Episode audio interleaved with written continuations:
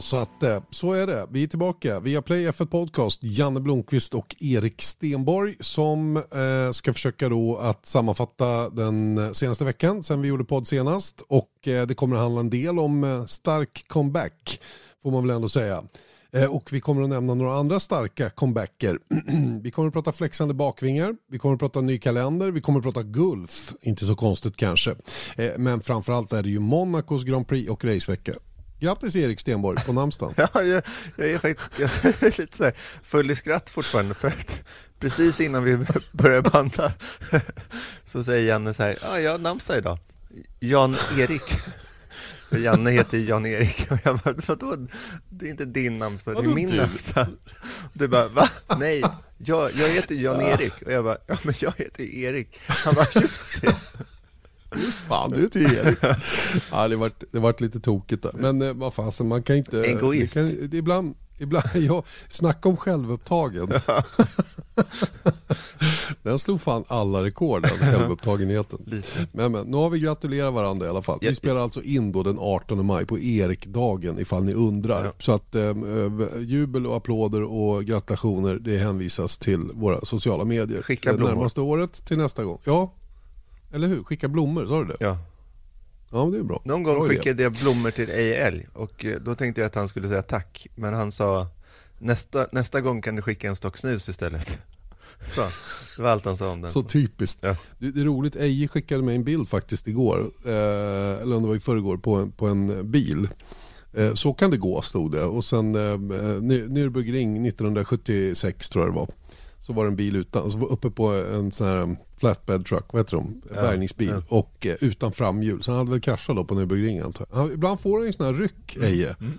För man hör ingenting på tre månader och så bara kommer en bild helt plötsligt som han har hittat. Så känner han att han måste dela med sig av den och då, då får man den.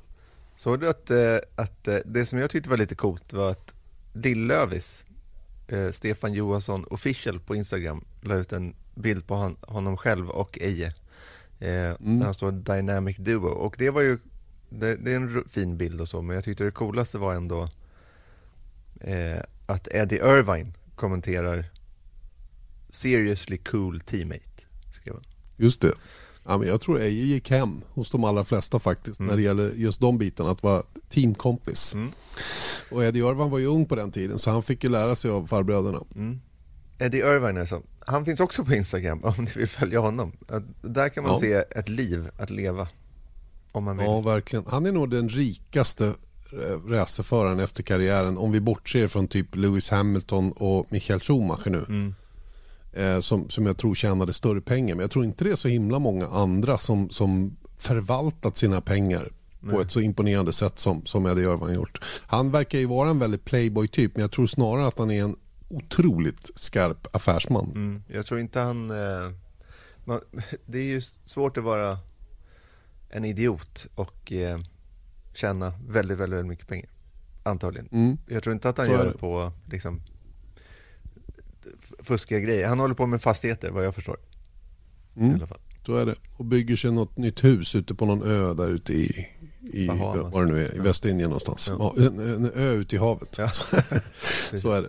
Ska vi, ska vi ha podden? Eh, ja, vi kanske ska vara lite mer noggranna då. Eh, man har ju lite grann Indycar-racet på näthinnan då eftersom det var det senast. Och ehm, då är det ju svårt att inte landa då i Romain Grosjean, eller hur? Mm, det är det. Jag tyckte verkligen att det är därför det här avsnittet bland annat heter Fågel Fenix. För att det har gått lite drygt ett halvår sedan Romain Grosjeans krasch i Bahrain då. Så jag hade, jag hade liksom inte glömt bort alltså, vad som hände honom, men liksom minnet av händelsen hade liksom trubbats av lite grann i alla fall. Man, man måste ju ha sett de där bilderna på när han kraschar och bilen börjar brinna och det där eldhavet eh, hundra gånger, så man har liksom vant sig vid bilderna lite.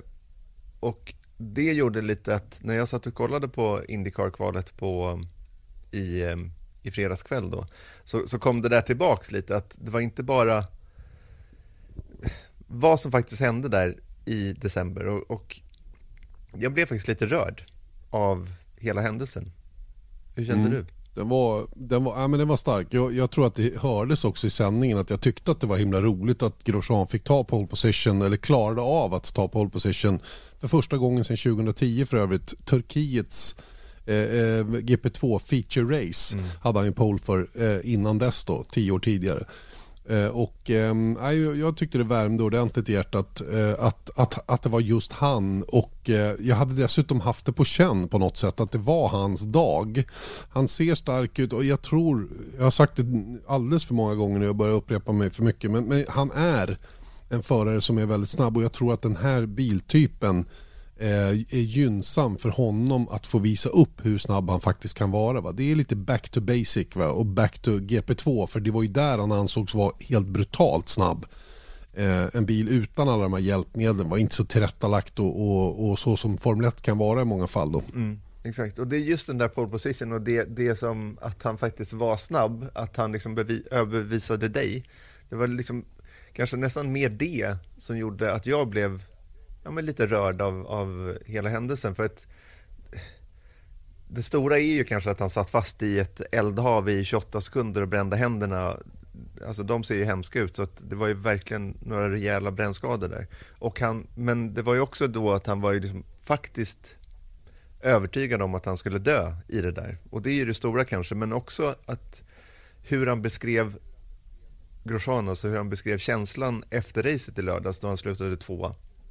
Ehm, och då blev jag ännu mer rörd faktiskt, för att han berättar liksom om att han liksom i, återigen förstod att han faktiskt kunde köra. För återigen, tänk dig själv att vara i F1 i tio år, eller två, tre, fyra eller fem och aldrig få ett riktigt break, breakthrough. För det kan man ju säga att även om han var på pallen några gånger och sådär så, så Grosjean blev ju aldrig om man såg till hans GP2-karriär så trodde man kanske att det skulle hända mer för honom än vad det faktiskt gör, eh, gjorde. Och sen så att man kör de där tre sista åren och kan knappt hoppas på att ta poäng i en has då. Och då tänker jag att oavsett om man slår sin teamkompis ibland så måste man ju stundtals börja tveka på sin egen förmåga. Att hela ens liksom, situation därav då börjar påverka negativt. Att så här, är det bilen, är det jag, är det bilen, är det jag? Eh, och det kanske till slut blir jag. För att bilen är så pass dålig liksom. Mm, visst är det så. Och, och, och det, mm, det där är ju en fascinerande, fascinerande realitet för 80% av förarna i Formel 1 under hela dess karriär i Formel 1. Jag menar titta på vilka som haft chansen att vara på pallen, vilka som haft chansen att vinna. De är försvinnande få. Försvinnande få verkligen. Alla andra ställs inför det faktum att nu ska de åka in i en sport och sen ska de bara harva runt. Mm. Liksom harva runt inom citat. Va? Det är ju inte det de gör såklart. Va? Men den enda de egentligen kan räkna med att tävla med är sin teamkamrat. Och det där har vi varit inne på mycket. Va? Men det är, jag tror att det är någonting som, som, ehm, som det är det som alla som kör Indycar lyfter fram. Mm. I förhållande till Indycar, just mångfalden möjligheten att vinna även om man är, eh, man är en av 15 varje, varje race-dag liksom, mm. som har chansen att vinna. Och det är ju, det är ju rätt fascinerande då att, att um, man har låtit Formel 1 bli det kanske. Det är väl det man, det är, jag tror att det är det många hoppas ska bli en förändring med det nya reglementet. Jag tror sporten i stort också behöver en, en, en, en, en, en jämlikare, jämlikare förutsättningar. Mm. Ja, och sen så, han, han slutade tvåa som sagt i, i lördags i, i racet på Indianapolis Road Course. Och han har väl en del kvar att bevisa kan man ju tycka ändå, även om man tog pole och slutade tvåa, det var jättebra. Men, eh, men jag tyckte liksom mig se lättnaden i Grosjeans ögon och det gjorde mig också rörd faktiskt. att eh, Man kanske inte ska tycka synd om en kille som får köra Formel 1 och få väldigt bra betalt för det. För det har han fått under väldigt många år i alla fall. Och det är liksom lite det här som jag gillar med sport och den här sporten också, att det betyder så mycket för så många och inte minst för dem som, när man förstår hur mycket det betyder för dem som utövar den också. Och känner man till liksom mm. Grosjeans bakgrund, inte bara att han är en fransman som kraschade och brände händerna, utan hur han dominerade GP2, fick lämna Formel 1 och köra GP2 igen och haft det tufft de senaste tre åren och fått väldigt mycket kritik. Då blir det här en så stor grej. Och det är därför jag tycker det är så mm. kul att folk lyssnar på den här podden också, för det betyder att alla, om man bryr sig så pass mycket så att man lyssnar på en podcast om Formel 1 en gång i veckan och kanske flera och tittar på Drive to Survive och tittar på alla träningar, då kan man nog känna sådana här känslor då också. Mm, verkligen. Och eh, jag tycker det visar på en väldigt stark mental kapacitet som han har också att hela tiden orka. För han har ju varit en av de mer kritiserade förarna under de senaste tio åren. Mm. Jag menar, han var ju till och med avstängd ett race för sin inte så fina körning under den perioden. Och det var inte för att han försökte förstöra för någon annan. Han bara hamnade i en negativ spiral som gjorde att han tog tokiga beslut. Eh, eh, vissa gånger va, i huvudsak i inledning på racen då. Det slutade med en avstängning till slut. Va? Så att, eh, och det gjorde inte honom till en sämre förare. Va? Det, det här är så mycket, mycket mer komplicerat än vad det var då. Men det hade ju så lätt kunnat knäcka en förare. Mm. Men det har det ju uppenbart inte gjort med honom. Och jag tror man får väldigt mycket skinn på näsan som racerförare på den här nivån. Man måste ha det helt enkelt. Mm. För att annars, så, annars är du chanslös. Men eh, Romain Grosjean i all ära, det finns ju en hel del andra såna här starka comebacker som, som, som, man, som man tar till sig, mm. eller hur? Ja, absolut. Det får, får en ju fundera på de där grejerna. Då tänkte jag på mitt första år när jag jobbade med Formel 1, då hände det här med Filipe Massa i träningen, eller kvalet.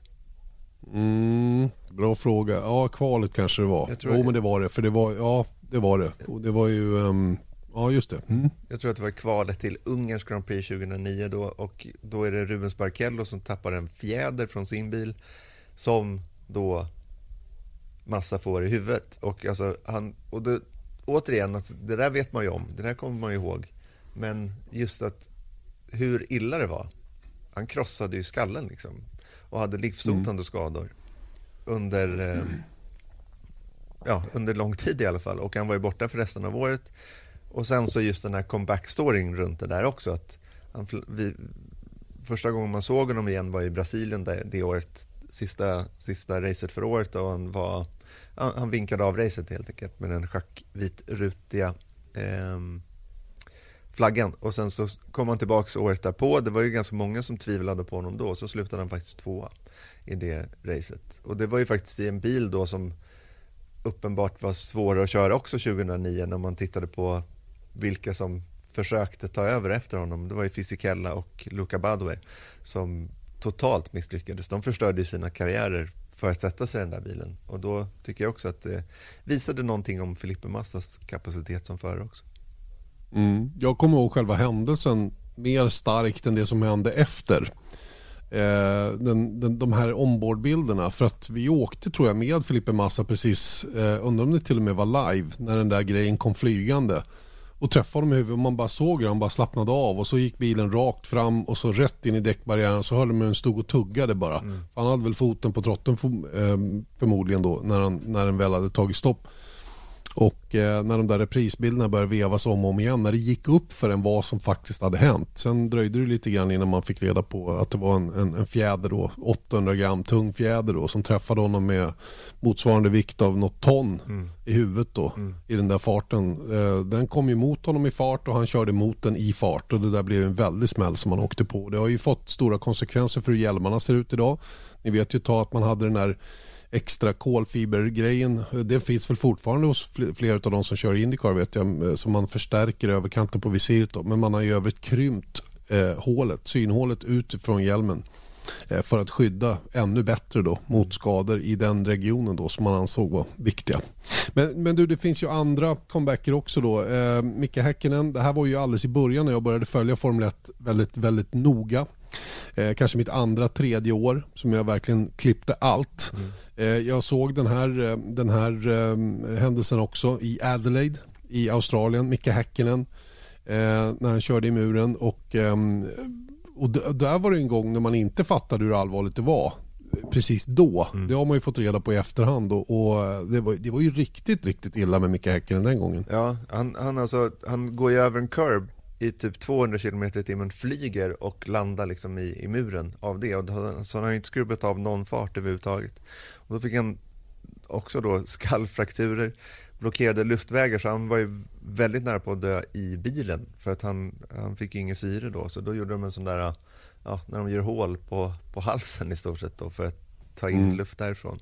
Eh, och allvarliga inre blödningar av den där kraschen då. Och han låg alltså på sjukhus i två månader i två månader. eh, för att han hade så allvarliga skador. Men då kom han ändå tillbaka i premiären i Melbourne till våren, för det här skedde i Adelaide 95. Så det var ju årets sista eh, race det året och sen så var premiären i Melbourne eh, på, på våren sen då. Så det var ju en ganska stark comeback om man säger så. Sen gick han ju och vann mm, två VM-titlar efter det också. Just det, ett par år senare tog han sin första och året efter sin andra. Ehm, ja, Alexanardi går och, jag menar den, den personen, han har ju eh, avverkat en eh, tio av sina nio liv nu känns det som. Eh, när han då snurrade ute du på Lausitz ring 2003 kart. Ett race som jag följde på radion vill jag minnas på väg hem ifrån en Formel 1 Jag tror att Formel 1 och Indycar körde samtidigt, eller kart som det hette på den tiden. Och ehm, eh, fick nog se bilderna i efterhand när han på väg ut ur depån tappade kontrollen över bilen då och blev T-bone. Var det Alex Tagliani va, som körde in i honom ja, eh, rakt ifrån sidan. Eh, på ungefär samma sätt som hände med Antoine Hubert och eh, mm. Jean-Manuel Correa i, i Belgien. En väldigt, väldigt allvarlig smäll och ehm, eh, han var ju otroligt illa däran. Ja. Otroligt illa däran. Jag vet inte hur många gånger han dog på väg till sjukhus. Ja, jag tror att de har sagt någonting. Att det, återigen, det finns ju en eh, väldigt bra intervju med Alexander Hardy på Beyond the Grid som jag rekommenderar att lyssna på. Och då säger han, det är typ fyra gånger han är död alltså, på väg dit. Han, han tappar ju båda, eller tappar, båda benen liksom, eh, klipps av i den där kraschen och han förlorar alltså 75% av sin blodvolym. Eh, just för skadorna eh, runt ben, benen. Då, då. Eh, men han kom tillbaka också. Mm. Mm. Körde eh, standardvagn då för um, eh, Ravaglia va? Var det väl som drev ett BMW-team då som han, som han kom tillbaka med allra först då. Körde med några träklossar under, under sina proteser så han kunde sköta trotten tror jag från början på golvet. Mm -hmm. Men sen var det väl handkontroll helt och hållet för hans del. Jag är inte alls säker på de här detaljerna. Va? Men oavsett vad, han satte sin racerbil och körde igen. Um, och, och, bara det och, och, han var dessutom konkurrenskraftig. Han vann väl race i VTCC med mm. den här bilen också. Så, och sen allt det andra han har gjort. Jag menar tävlingsinstinkten tappade han ju inte för att han blev, för att han blev rullstolsburen. Utan OS och VM-medaljer och, och liksom i sin handdrivna cykel. Då. Mm. Och nu kraschar han igen då med en lastbil och vi vet ju inte riktigt hur illa det är. Han, vi fick någon uppdatering bara för några veckor sedan. Mm att han sakta blir bättre i alla fall. Men det är ju väldigt oklart hur, hur väl han kommer att komma tillbaka den här gången. Ja, det är lite, det är alltid oroande tycker jag när man jag tror att kraschen där på Lausitz ring, då fick man ju se honom i sjukhussängen efter eh, några veckor eller vad det nu kan tänkas varit. Så, men här har man ju fortfarande inte sett ett ljud. Det är lite likt eh, eh, Schumacher. Schumacher ja. När eh, man, ingen har ju någonsin sett honom eller ingen har ju heller berättat runt Schumachers kondition riktigt då, så då kan man ju bara gissa vad som har hänt. Mm. Men du, på lördag är det också två årsdagen sedan Niki Laudas bortgång. Eh, sannolikt i sviterna av den här olyckan som han sen gjorde en comeback ifrån. Eh, det var ju hans, såklart hans krasch då i bergverk på Nürburgring 1976. Mm en fruktansvärd smäll det också då där det började brinna och han eh, drog i sig de här giftiga gaserna, varma gaser. Eh, och det var väl det då plus naturligtvis en massa ytliga brännskador som han hade då som var det allvarliga, den allvarliga konditionen som han råkade ut för då. Och det var ju alltså ett, han tvingades till ett lungbyte nu på senare år. Mm. Eh, nu hörde jag efter det att det var inte i sviten av själva skadan utan eh, det var andra saker okay. som gjorde att han gick bort till slut. Men, men oavsett vad Eh, samma sak där, sex veckor efter. Vi, jag menar, alla som har sett den här filmen, Rush, eh, Rush när han eh, måste skölja lungorna på sjukhuset där. Vilken, vilka fruktansvärda bilder alltså. Mm.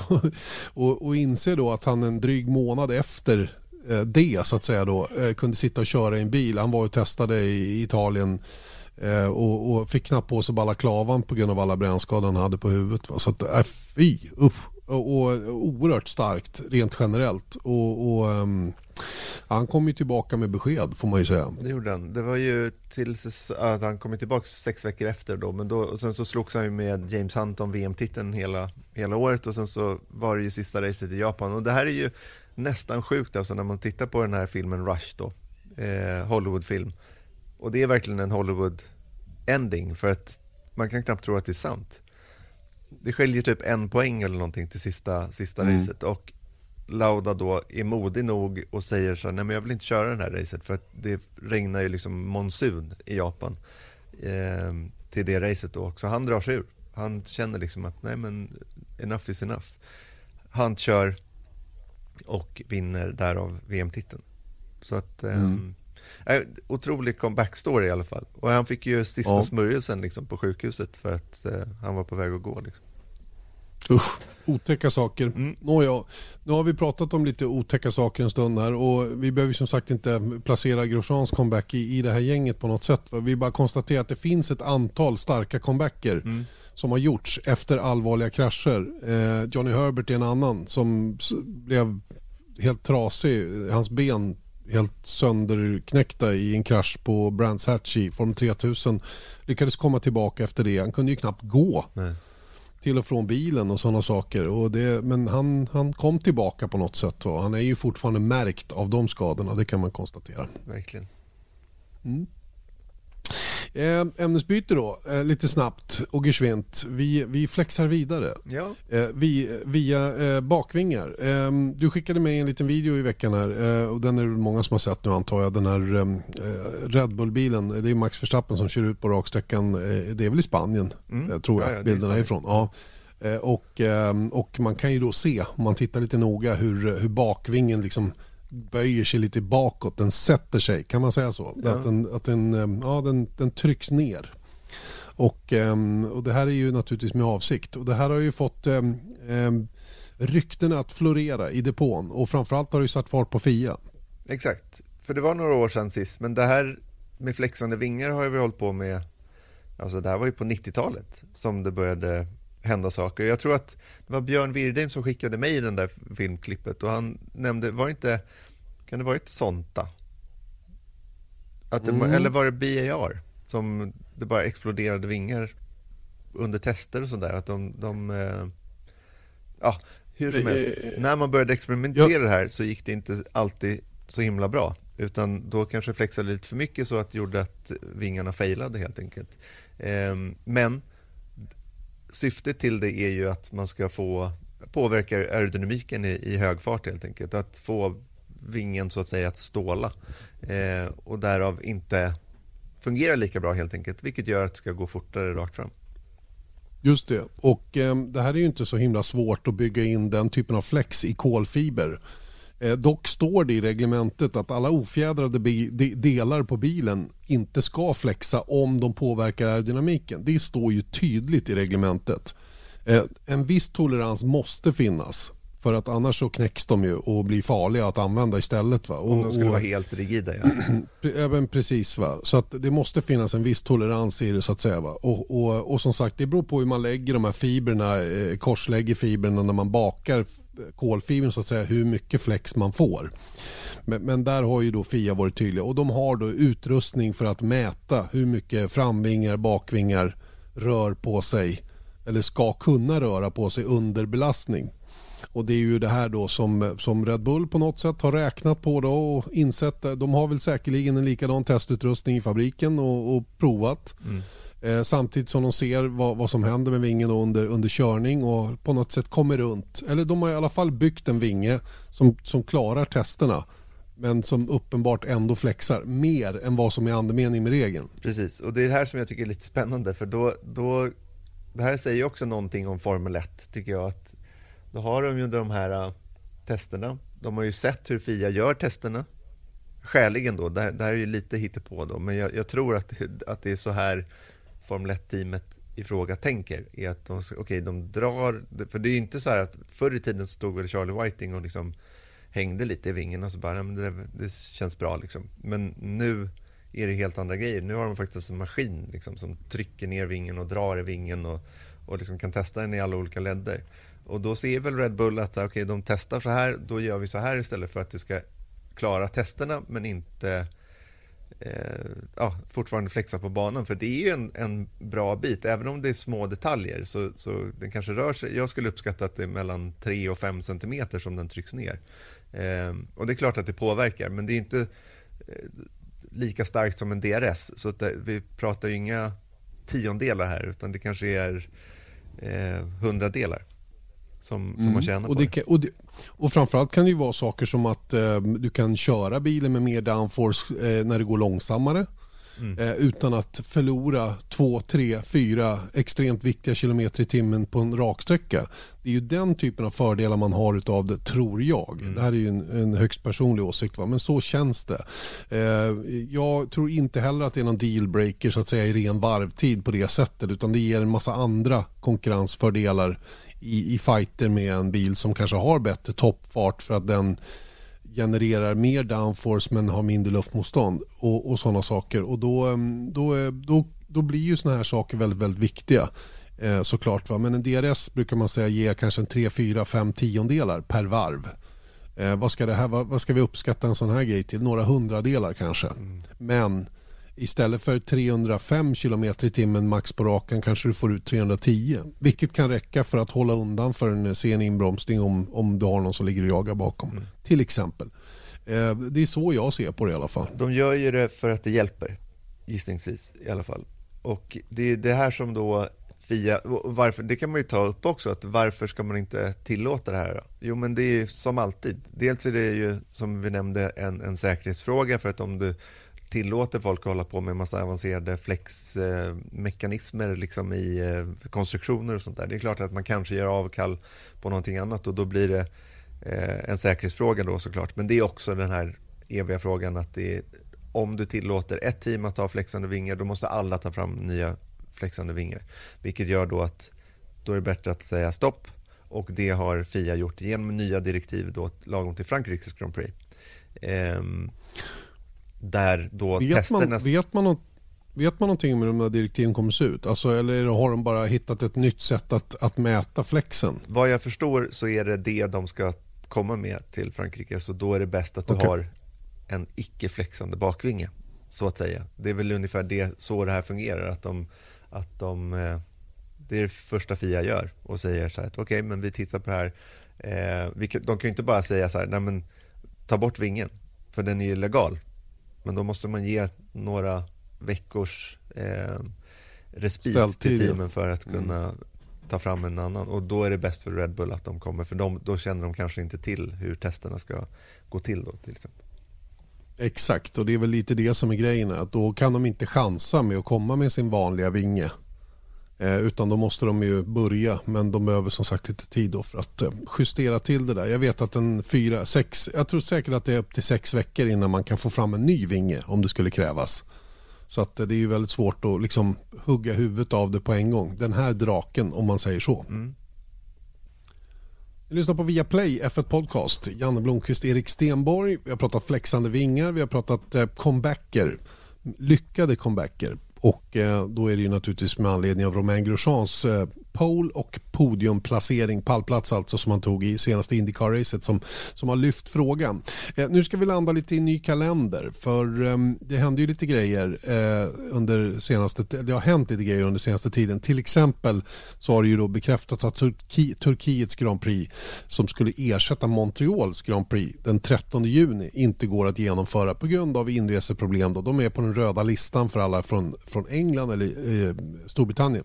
Eh, och då går det naturligtvis inte att jämföra det där. Och då har man ju justerat kalendern lite grann. Mm. Och det är ju det är lite lustigt att det är samma race faktiskt som, som stryks två gånger, eller samma helg som stryks två gånger. Eh, men hur som helst, så att då har de gjort så att de flyttar Frankrikes Grand Prix en vecka tidigare. Den helgen som Turkiet eller Montreals Grand Prix skulle ha kört på, den blev ledig nu. Eh, men veckan därpå, egentligen var det två veckor till Frankrike, men nu är det bara en vecka till Frankrike så att säga, från det originaldatumet med eh, där Turkiet skulle vara. Så Frankrikes Grand Prix en vecka tidigare och sen så stoppar de in ett extra race i Österrike direkt efter Frankrikes Grand Prix och sen så återigen det gamla vanliga Österrikes Grand Prix i, i alldeles början av juli. Så det blir en trippelheader där istället. Så de har ju nu fått fart på sin eh, arrangemang så att säga. Nu är det inte så mycket man lyfter på ögonen. Alltså hade man bytt ett race 2019 då hade man ju bara oj oj oj, du vet. Då hade vi haft en hel podcast om att Formel 1 byter helg på ett race. Men de har ju verkligen eh, fått stil på den där eh, arrangemanget kan man säga. Mm. Eh, och det här väckte ju naturligtvis frågan om inte Formel 1 eh, eh, skulle ha använt den här dubbelhelgen i Österrike då för att prova det här med sprintrace och få en back-to-back jämförelse. Eh, och det har spekulerats i att man, an, för det är, ju, det är ju egentligen öppet mål att göra det, en sån för att verkligen utvärdera det, om det är nu det man vill. Men eh, risken är väl att det kanske skulle exponera den här idén lite för mycket och eh, en del spekulerar i att det är därför man håller fast vid Silverstone och kör det Silverstone-helgen, för där har det kommit ett tidsschema för det till och med. Det är planerat för det. Mm. Eh, och det är ju en klart senare första träning. Jag tror den börjar halv fyra på eftermiddagen och så kör man det här första kvalet då klockan 18. Nej, halv fyra kan det inte vara. Halv två. Alltså det... Ja, men var det, inte, var det inte 18 till 19 va? Man kör själva kvalet på kvällen. Lokalt. Eller var det 19 till 20? Ja, lokalt ja. Så det blir sju för vår del. Ja. Så att eh, det, det är ju stora förändringar. Men det kan vi komma till när vi, när vi kommer närmare det. Då. Men jag kan, tycka, jag kan hålla med dem som tycker att det hade varit ett bra läge att testa sprintrace nu när vi fick det här nya extra racet i Österrike. Varför inte gjort det där då? Mm. Så hade vi haft två helger så hade vi all, alla hade verkligen kunnat se. Okej, okay, ja, det blev så då och så blev det så här då. Och då hade man kunnat liksom, ja, du vet. Kanske att Silverstone har, ska få det där första också. Att de tänker på det sättet. Något sätt på något vis. Mycket möjligt att det hänger ihop med något kontrakt eller vad det kan vara. Va? Ingen som helst aning. Men, men ehm, ja, jag har ingenting emot att man kör två race i Österrike. Det var ju inte något större fel på det förra, förra året när vi gjorde det. Så att, äh, kör hårt. Det är, en, det är en trevlig och fin bana. Det, det är bara att hoppas de kan släppa in lite publik. Det är väl fortfarande frågetecken kring det. Va? Det är ju bara det man väntar på nu. Att vi ska få tillbaka lite folk på läktarna i, i större utsträckning än vad som varit hittills. Då. I Spanien var det tusen pers då, som som var, som var vaccinerade som fick sitta på läktarna. Men nu vill man ju ha lite, lite större skaror, mm. eller hur? Mm. Och det börjar väl nosa på det i alla fall när, när Monaco ändå tar in folk på läktarna. Det är väl 8000 eller någonting sånt. Ja, något, 7400 tror jag det var fastställt till då. Det är ju enbart sittande då som får, får komma in. Och, eh, man släpper bara in folk då som har en, en, bekräftad negativ test då, eller kan bevisa på något annat sätt att man har ett vaccin. Mm. Så att, eh, det, det är bara att hoppas att det, det, blir. Men innan vi kommer till Monaco, Erik, så vill jag landa i något. För 1976, 77, 76 tror jag, så köpte min pappa en Gulfmack. Oj! Ihop med en kollega. Ja visst vet du. Han var ju taxichaufför min farsa eh, som tyvärr inte är kvar i livet men eh, han var det i allra högsta grad då. Eh, hade kört taxi en väldig massa år, eh, droskägare som det kallades då på den tiden. Eh, och, eh, men han och en annan taxikollega bestäms för att nu ska vi öppna mack. Mitt inne i Uppsala, mitt inne i centrala stan på Torsgatan 10 låg den här macken. Väldigt ovanligt med mackar inne i städer till mm. att börja med. Men du vet, det var ju som, det finns en i Stockholm på Birger där, en Circle K. Ungefär så såg det ut va. Så och så in, var det då, in i huset så, så, att säga. Ja men exakt va. Och så, och så som pelare och så stod pumparna innanför där och så hade de en smörjhall och en tvätthall på sidan. Och, um, Pappa han bytte tändstift och olja och filter. Sånt där som man kunde göra på bilar på den tiden. Det går inte nu för tiden. Men, och tvättade bilar då till sådana som tyckte det var bra. Eh, och det gjorde att Gulf blev liksom starkt för mig. Mm. Eh, och, och det, här är ingen, det är ingen hyllning till själva varumärket så utan det var mer att det blev så. För att, eh, och jag trodde ju att det var den enda bensin som våra bilar funkade på till exempel. Ja, alltså när farsan åkte in och tankade på en... Innan hade vi alltid tankat Texaco. Eller Texaco, jag vet inte vad det kallas. Eh, men, men, men S, det, S så fanns det. Det är helt omöjligt. Liksom. Är, man måste ha Gulf. Men pappa, vi kan inte åka in på den här magen. Men det är tom. Nej, men det går inte. Vår bil klarar inte det. Vi måste ha Gulf-bensin. Gulf, den är bäst. Eller hur? Så att, eh, det blev starkt och jag sparade på klistermärke. Det här var ju också i början av mitt, mitt Formel 1-intresse rent generellt då, med Ronnie Pettersson och John Player och hela den Det var ju precis i den världen. Så därför så blev det lite, det blir lite kul nu att, att eh, det här varumärket då ska, ska exponeras lite grann extra just den här helgen i, eh, i Monaco.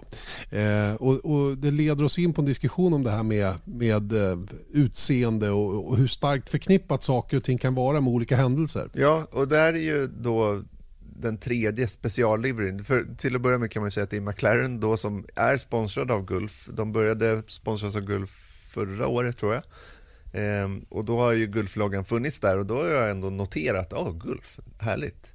Att, för jag har lite samma sak, jag hade, min pappa hade ingen Mac men däremot så, så var det ju just att Va, Gulf fanns inte, nej, men Gulf fanns ju inte riktigt under min uppväxt. Så det var ju sällan som man såg en Gulf-mack. Nu kan man ju se det lite eh, någonstans uppe i Uppsala-trakten tror jag att det finns en Gulfmack. Ja, det kan nog tänkas. Och den noterar man varenda gång man åker förbi, tycker jag. Och det är just för racinggrejen som Gulf har varit. Och det har varit den här klassiska liveryn, Porsche 917 på Le Mans, eh, McLaren eh, F1 GTR, longtailen som vann eh, Le Mans 97. Jag menar, det, det, det finns en historia runt Gulf och det är det som har väckt så otroligt mycket känslor. Inte bara hos dig utan väldigt många. För det här är en tredje specialliveryn på tre år. Mercedes körde ju en, en vit variant i, i, Tyskland 2019 och sen så körde Ferrari en vinröd, deras original Formel 1-färg så att säga, som de hade på 50-talet eh, förra året på Mugello. Men det växte ju inte alls samma känslor, men däremot så kommer Gulf här och bara alla älskar det. Tycker att det är toppen. Och en avgörande, och en, en avgörande skillnad här är också att det här är ju ett varumärke. Det här är ju en reklamkupp ja, utan dess like ja. egentligen. Ja men eller hur.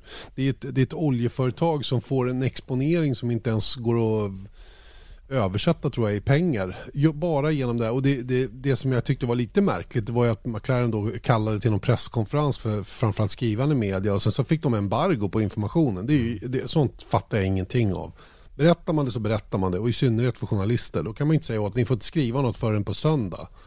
Så det, det, tyck, det är väl det enda jag tyckte varit märkligt i hela den här historien. Då får man väl hålla sig då. Men då vill de, då vill de liksom maximera exponeringen och få att alla skriver och sen att det blir då en, en, ett sånt jäkla tryck på sociala medier vid en speciell tidpunkt då när de släppte sin, sin YouTube-video. Signerad Henrik Ringner för övrigt. Mm. Svenska Henrik. Superfin. Som i allra högsta grad varit med. Ja, verkligen. Ja, men den han är ju så skicklig så det liknar ju ingenting. Va? Men, men um, det är ju fascinerande det här och jag, jag har tänkt på det många gånger just det här med varumärken. Alltså alla de här tröjorna och sånt som, vi, som folk då betalar massor med pengar för att gå och exponera ett varumärke. Vi borde ju få de här kläderna, förstår du? Mm. Det, det, är ju bara det. det, är ju bara det. Men det är, på något sätt har de lyckats få det till att vi ska vara så sugna på det så att vi ska, vi ska uh, köpa dem och ändå då göra reklam för någon annans grej. Jo, men jag förstår det. Det är, det är en lagtillhörighet. Det är precis samma sak som att köpa en eh, Djurgården-tröja. Liksom. Eh, det, det, är ingen mm. skillnad på att köpa en McLaren t-shirt heller. Nej, fast de kan du köpa clean liksom. Ja, Eller hur? ja, ja det Inte kanske går. Men ofta. Och, och köper en matchtröja så är det ja, ju... Så får, då åker varumärkena med? Ja, visst. Det är klart att de gör det. Mm. Men grejen ja, är också att, jag köpt... och, och, jag menar, det, det vore ju koko att ge bort det när man vet hur mycket pengar de kan tjäna på det. Jag har inga siffror vad gäller Själv. Formel 1. Men, men det har man ju hört i alla tider, de här jättestora fotbollsspelarna. David Beckham när han kom till, vad var han gick någonstans till, Real Madrid kanske. Och eh, mm. hela hans liksom, summa, eh, som enorma summa som de liksom betalar för, de var intjänad på typ åtta månader bara på tröjförsäljningen. Så mm. det går ju runt liksom, om man säger så. Och jag tror att ja, ja, McLaren jag, Gulf... Eh, jag vet att det inte är det du, att det du menar riktigt, att, att, att de borde ge bort det, utan snarare att, att det är en eh, företeelse är intressant. Ja men eller hur. Va? Och, och, det är klart att de ska tjäna pengar på det. Men då kan, om Ferrari då gör en, en, kollektion för ett år då vill man kanske slippa alla varor. Jag har inga problem med själva Ferrari-tröjan som sådan. Men det är, väl, det är väl den här igenkänningen i de riktiga teamkläderna som är grejen. Ja. Att man, jag menar, kolla på en sån Red Bull-jacka till exempel som många går och bär. Som, som påminner om det teamkittet som, som själva teamet har. Då. De är ju helt nerlusade med varumärken. Mm. Men de ser ju ut som eh, den Verstappen har. Det är det Exakt. Som är och that's the key thing här. Men eh, är det bra där då? Är det bra att man kan göra så här, tycker du? Ja, men det är jätteroligt. Alltså, för helt plötsligt så, men kolla, nu sitter, snacka om att varumärkesexponering ibland och ofta funkar i Formel 1. För här sitter vi i en podcast i Sverige och pratar om Gulf eh, varumärket och, och hur kul det är att det här äh, att de tar upp den här racinghistorien igen och hej Så det är ju verkligen roligt om man gör det rätt. För att det, det, det återigen att det där med Ferrari så tyckte man att så här, okay, de gjorde en stor sak av att de skulle köra med en retro livery i, på Mugello. Och sen så såg man den och så tyckte man att jaha, ja, den var vinröd istället för hade vita siffror. Elröd. Ja, istället för vanlig röd då. Eh, men när man gör det rätt så, och gör det speciellt då funkar det ju. Men, och det är där jag tänker lite med för och nackdelarna med sådana här grejer är att om alla team skulle göra ett speciallivery per år, ja, men då skulle man ju urvattna. Det, det är just det faktum att det är så ovanligt i Formel 1 att man byter livery som gör att det blir speciellt den här gången. Mm. Du tror inte att om man gör typ som i Nascar, eventuellt Indycar eller V8 Supercars att det skulle ha samma effekt då i Formel 1? För vi har ju en väldigt, väldigt mycket större publik då när det gäller Formel 1 än de här nyss nämnda sporterna. Ja, alltså, ja, men jag tror, det är klart att så här, finns ett hemmarace eller någonting sånt där att man, att man gör något lite speciellt och det har ju ändå, typ Alfa Romeo gjorde det för några år sedan eh, att de hade lite extra italiensk flagga men då är det ofta lite sån här en justering av liveryt snarare än ett helt nytt. Och det är klart att, men det, jag tror att det skulle gå väldigt fort, fortare än vad man kanske skulle, kan tro att om man, och, liksom, och sen så ser man Williams på Silverstone nu har eh, någon hyllning till Frank Williams. Men det är klart att det hade varit fint. Eh, men man hade ju, säg 2022 och det, om det fortsätter så här tio gånger mm. per år, ja men då, då bryr man ju sig inte. Och det finns ju bevis för det. Jag tänkte på, um, de släppte, McLaren släppte ju eh, ett annat livery och det var Felix Rosenqvists livery som han ska ha under Indy 500.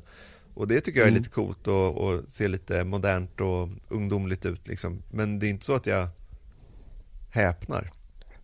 Nej, för att det är ganska vanlig företeelse då i, i det mästerskapet. Ja. Ja. men det, det, det, det, kan jag faktiskt köpa, det ligger mycket i det. Och, och det, det, är väl, det är väl just det. Vad jag förstår i Formel 1 så är det ju stenhårt hur bilarna får se ut och hur mycket de får ändras under säsong. Eh, det var inte BAR som försökte köra två cigarettmärken, en på vardera bil eh, och fick nobben och fick till slut göra halva bilen var mm. på båda. Det är helt enkelt inskrivet i reglerna att båda bilarna ska se exakt likadana ut. Det får inte skilja liksom i, i utseende på dem och det har väl med foto och, sådana grejer anta, antar jag. men, men um, att, att det inte ska bli för mycket olika typer av bilder. Och det, blir. det var ju därför man införde att killarna inte fick ändra utseende på hjälmarna till exempel. Det var ju av samma anledning då. Mm.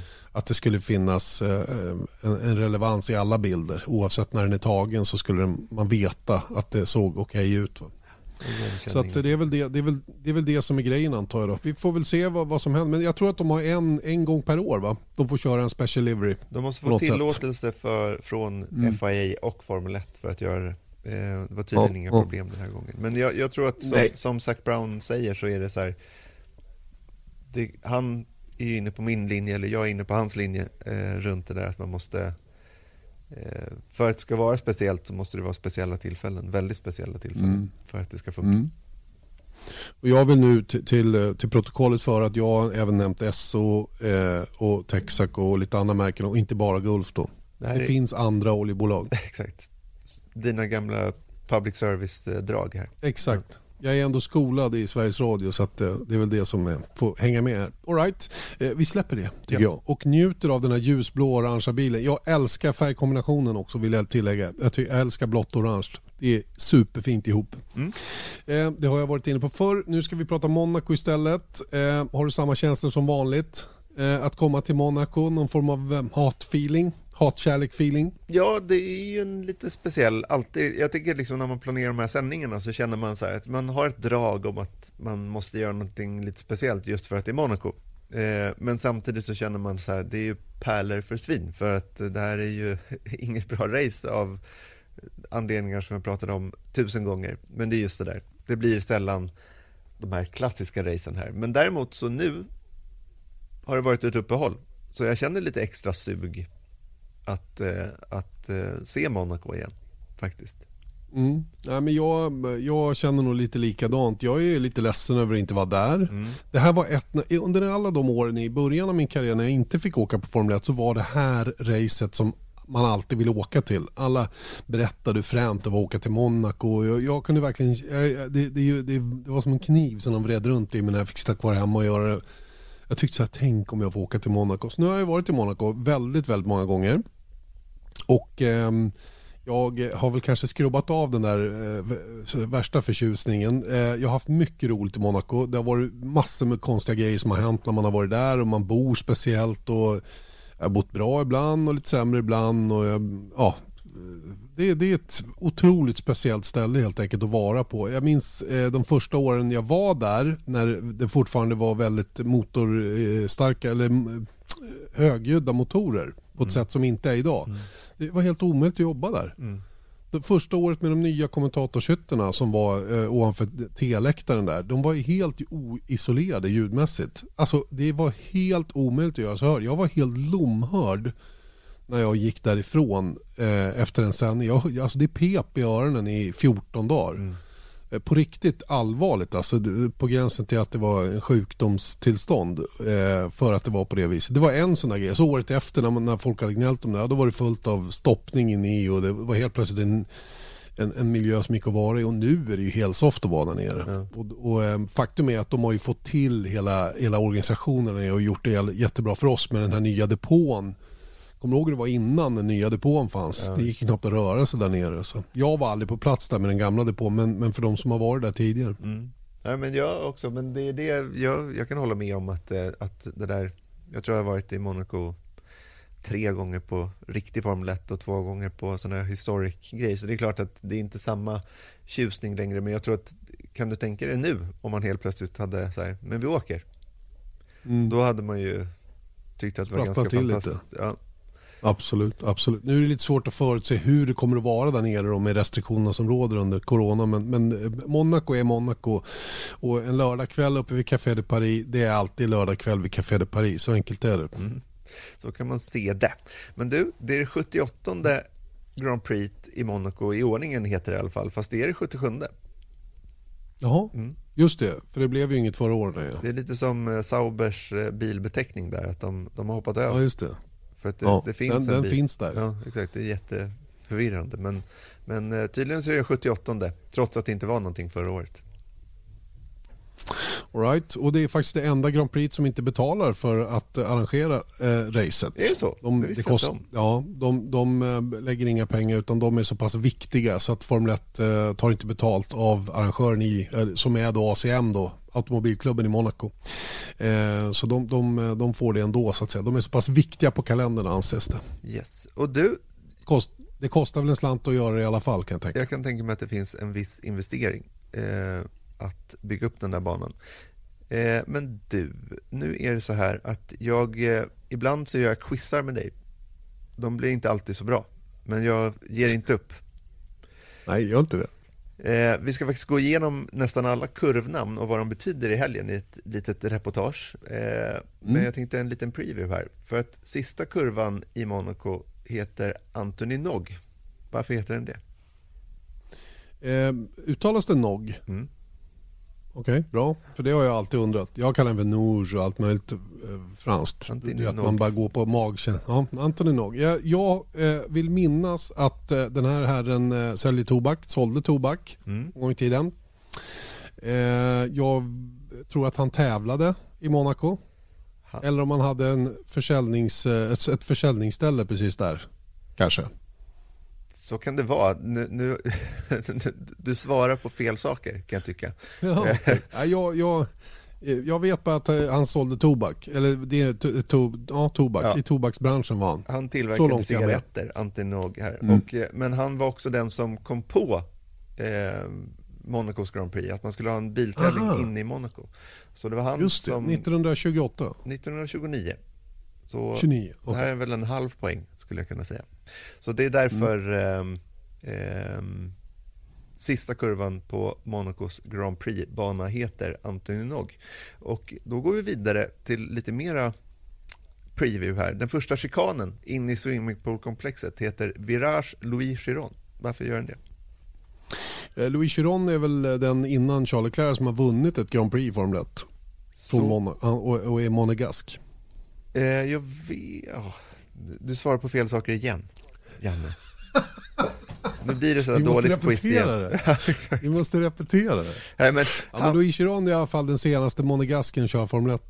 Eh, ja, det, så kan nej, det vara också. Nej, nej, nej, vänta nej, nu. Det var jag. någon till emellan. Någon nej, men då måste han, var, han var den första monegaskiska föraren som, som, som eh, körde ett F1-race och han, han körde eh, här under det allra första, 1950 då, det VM-racet då, och då slutade han trea. Så han var den första monegasken på podiet i minsta fall. Ja, just det. Så var det nog ja. Eh. Vi skiter i att räkna poäng, men jag kör vidare. Ja, vi kör vidare. Jag tycker det här är jättekul. I filmen Grand Prix från 1967, kanske 68, John Frankenheimer eh, spelade in, eller regisserade den filmen. Eh, då åker skådespelaren, som är racerförare, eh, James Garner, ner i vattnet i filmen. Har det här hänt på riktigt någon gång? Eh, det vill jag minnas att det har. Att någon har brakat av ute i poolen där. Det är därför man har dykare i vattnet, alltid på plats. Så är det. Två gånger har det hänt faktiskt i historien. Alberto Ascari körde in eh, i vattnet 1955 i Monacos Grand Prix och det var bara fyra dagar före han faktiskt dog under ett eh, test för sportvagn eh, på Monza. Så att det var en eh, läbbig liksom, framtidsbild. Han hade en jobbig sista vecka, Alberto Ascari. Att han först kraschar ner i, i vattnet i, i Monaco och sen så, så omkommer han då under en testkrasch eh, 1955. Då. Och sen så hände det en gång till 1965 under racet. En australiensare som heter Paul Hawkins eh, körde också ner i vattnet då och överlevde. Och, eh, men han, tyvärr omkom han med fyra år senare, 1969 på Olton Park på motorcykel. Och konstigt nog så dog båda de här två, Ascari och Hawkins, eh, den 26 maj. Usch. Konstigt. Tråkigt, mm. tråkigt omen. Mm. Det var, du fick ja, en och en halv poäng har du samlat upp här. Ja, jag var en, alltid något. Det är alltid något. Nu kommer en riktigt svår. Janne, är kvalet viktigt här? I Monaco? Eh, ja, ja, ja, ja. Full poäng. Där får jag, får jag poäng. För att det är nämligen så att av de 66 stycken VM-racen som har gått i Monaco har 56 av dem vunnits från topp 3 eh, från griden. Alltså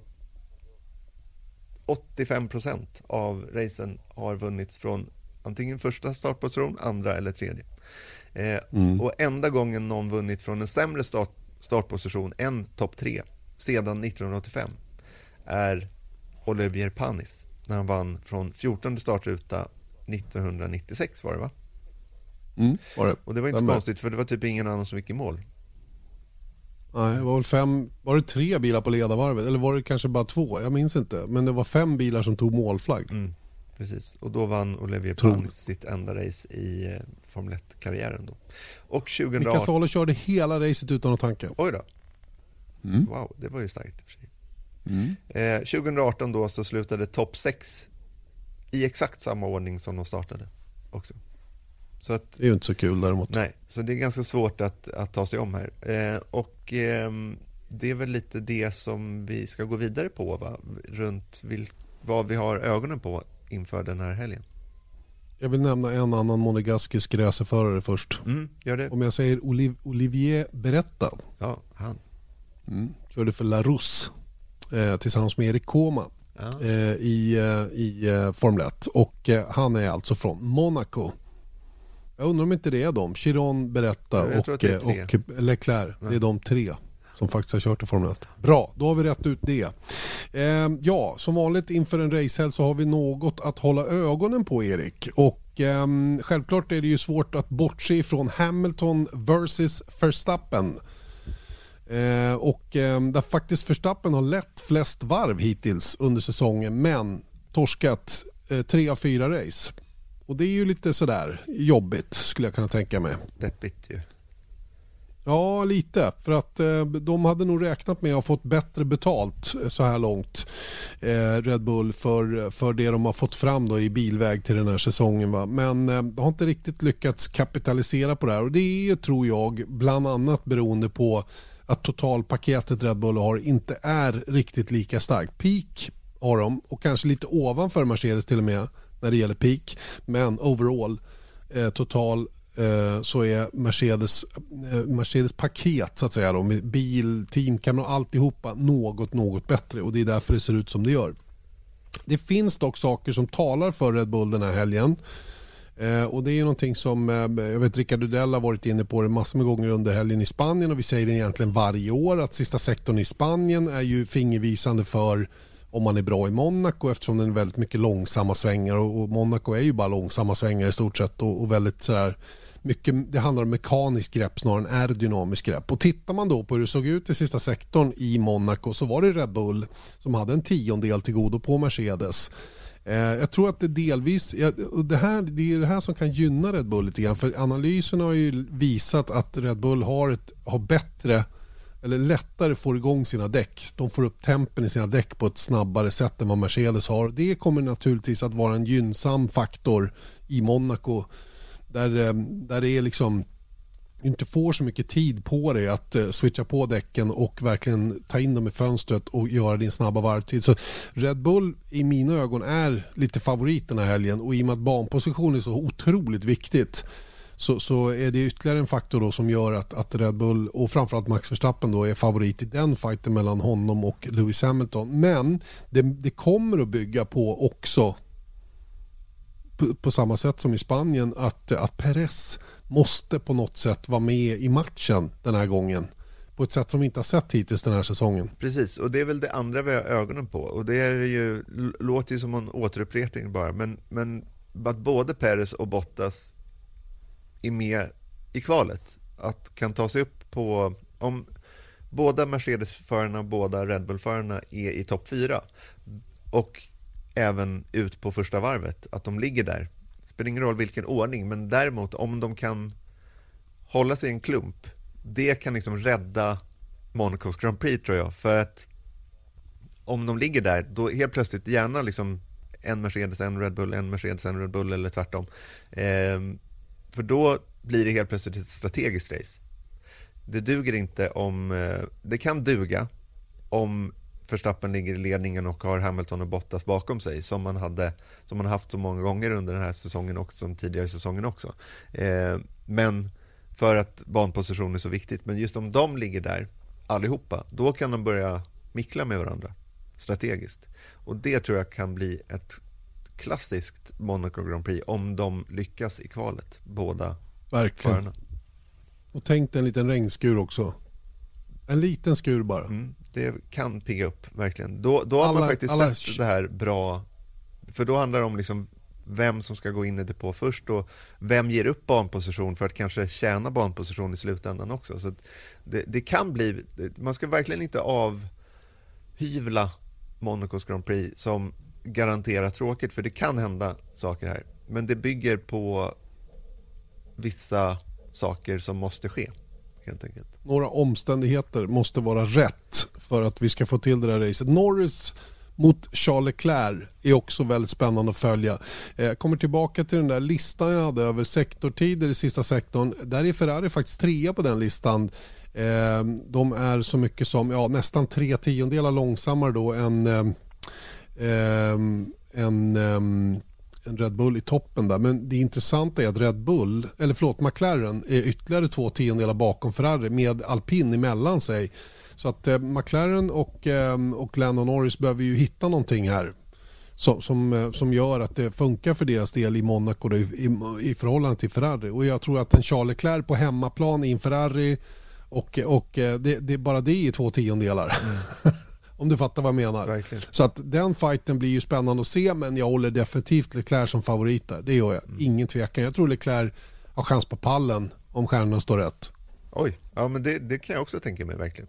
Eh, och en poäng skiljer de åt i VM just nu. Norris leder mm. med en poäng över Leclerc. Eh, de har ingenting med VM-titeln att göra, men det är just också, det är någonting speciellt med de här två teamen också. Ferrari mot McLaren. Det, det piggar upp också på något vis. Verkligen. Två klassiska team. Mm. Sen har vi några roliga punkter också på slutet här. Ja, ja de andra var så tråkiga nämligen. Så att, eh, men Nej, men Bernt Maj, seriösa. Ja, Bernt Mejländer, han eh, fyller 50 på lördag och det är alltså han som kör säkerhetsbilen och har gjort det i över 20 år i alla fall. Eh, och han kommer sannolikt att få leda racet på söndag för det har varit Safety Car i Monaco i nio av de tio senaste racen. Och det här är också en sån där grej som kan pigga upp. För om den där kommer lite för tidigt, lite för sent, vad händer då? Det är sådana där grejer som kan krydda anrättningen en del. Du, det, har jag, det har jag funderat på. I och med att vi inte har tankning längre i Formel 1 så skulle det ju faktiskt det kunna funka med att ha ett liknande system som Indycar. Att när det blir gulflagg och säkerhetsbil då stänger depån mm. helt till fältet ihopsamlat. Just det. Sen öppnar man. Mm. Undrar vad det skulle betyda för, för eh, strategin och hur man lägger upp racen om man gjorde på det viset. Jag, jag kanske tänker helt bakvänt där för jag har inte gjort någon större analys av det innan. Men jag bara kom på det att tänk om man hade ett sånt upplägg och, eh, och lati, gjorde säkerhetsbilsperioderna lite, lite mer som en, som en, eh, en taktisk faktor. Mm. Det är det ju ändå såklart, va? men i huvudsak är ju en säkerhetsbil på banan av säkerhetsskäl, inte för att påverka racet. Men i USA är man någonstans mitt emellan skulle jag kunna tänka mig. Men det, det, det, som, det, det som jag tycker är negativt med, med den regeln är ju just att de förarna som kanske går in precis innan, de är rökta. Och speciellt mm. i Indycar så är det fler depåstopp på grund, eller på grund av eller tack vare tankningen beroende på hur man ser det. Så där kan du hämta hem det för de har ofta två stopp till. Men i, i Monaco till exempel, då kan det ju vara så att, ja, att eh, det är bara ett stopp. Ja. Det blir ett stopp sannolikt. Mm. För det är alltid det här med mm. banposition, att man vill inte gå, det spelar ingen roll om man har två sekunder långsammare däck för att så länge de håller så, så, så stannar man kvar på banan. Mm. Och händer det så går Hamilton in och sen kommer en säkerhetsbil så stänger depån det är över. Mm. Alla, ja. alla andra sitter där ute, ja, precis. Ja, nej, men jag tar tillbaka allting. Ja. Jag ber om ursäkt. Det var, det var ett onödigt inlägg i debatten. Ja, men det, det är härligt att jag får visa mig på styva linan ibland också. Eller hur? Tycker Eller hur? Så är det. Ja, eh, sista punkten då, eh, kvalet i Monaco. Det är ju alltid en höjdare. Man har ju, får ju alltid sådana här throwbacks. Det, Schumacher 2004 med V10. Bara, det är så coolt att se när de brakar mm. loss där inne. Då var det såna envarvskval också. De fick banan helt för sig själva och liksom pushade på. Schumachers parkering nere i Raskas då, det var väl 06 kanske? Mm. 05-06. Vild fight med Alonso som var på väg att göra pole position. Schumacher hade pole och så bestämde han att jag ställer mig här så inte Alonso kan köra förbi det vart inte så bra. Han fick starta längst bak istället. Ja. Så att det, det, var ingen, det, var ingen, det var ingen hit den gången. Men kvalen är ju coola och de här varven som man får se där mm. är ju speciella. Mm. Och det är ju verkligen annorlunda. För att om du bara vi tittade på, på redaktionen på Hamiltons polvarv. Det är, inget, det är bara ett polvarv. Det är ingenting så här, uh, du vet, det händer någonting. Utan så här, men det ser, speciellt när man inte sett det på ett tag, det ser ju snabbspolat ut de här äh, varven. Det, det går så sjukt fort, speciellt in, in i... Ja, det går fort överallt. Det är liksom... Det är så sjukt smalt och det, det, är det som jag tycker är så imponerande här. Och det har vi pratat om tidigare i podden också, att man skulle göra en time attack istället för att köra ett race här. Eh, men eh, nu har vi kvalet och det, det, är verkligen det är ett av årets höjdpunkter tycker jag, i min bok. Mm. Mm. Ja, absolut. Alla dagar i veckan. Oh, inga problem med track limits. Undrar vad det beror Nej, jag vet inte heller. Det är något järn i vägen där. Mm. Ja, det är ju lite speciellt att, ehm, att, när det finns en fysisk barriär då är det ju det är inte fler gånger de, de överträder track limits i Monaco än på en vanlig bana. Så att någonstans så finns det ju en poäng med att ha um, föremål som stoppar. Nu är farten mycket lägre i Monaco så vi ska inte dra den parallellen överhuvudtaget för att um, avåkningszoner och sådana saker det har ju sällan att göra med, med det utan det är ju mer av säkerhetsskäl. Mm. Ja, slut på punkter. Slut, slut, tack för idag, tack och slut. Vad stod det på tavlan i skolan? Låt stå.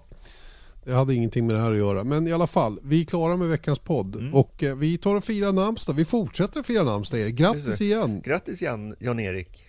Verkligen. Tack ska du ha du Erik Stenborg. Nu när jag ihåg. kommer ihåg att du heter Erik också. det blir bra. Fy fan vad dåligt, det var dåligt. Usch, jag ska, jag, jag ska kommer komma över det också. Jag tror faktiskt det, men det var ändå klantigt. Det var självupptagenhet av den högre skolan. Du, du har gjort mig värre oförrätter. Om man säger Ja, det kanske jag har. okay. Ha det gott då. Vi hörs om en vecka. Ha det bra. Hej.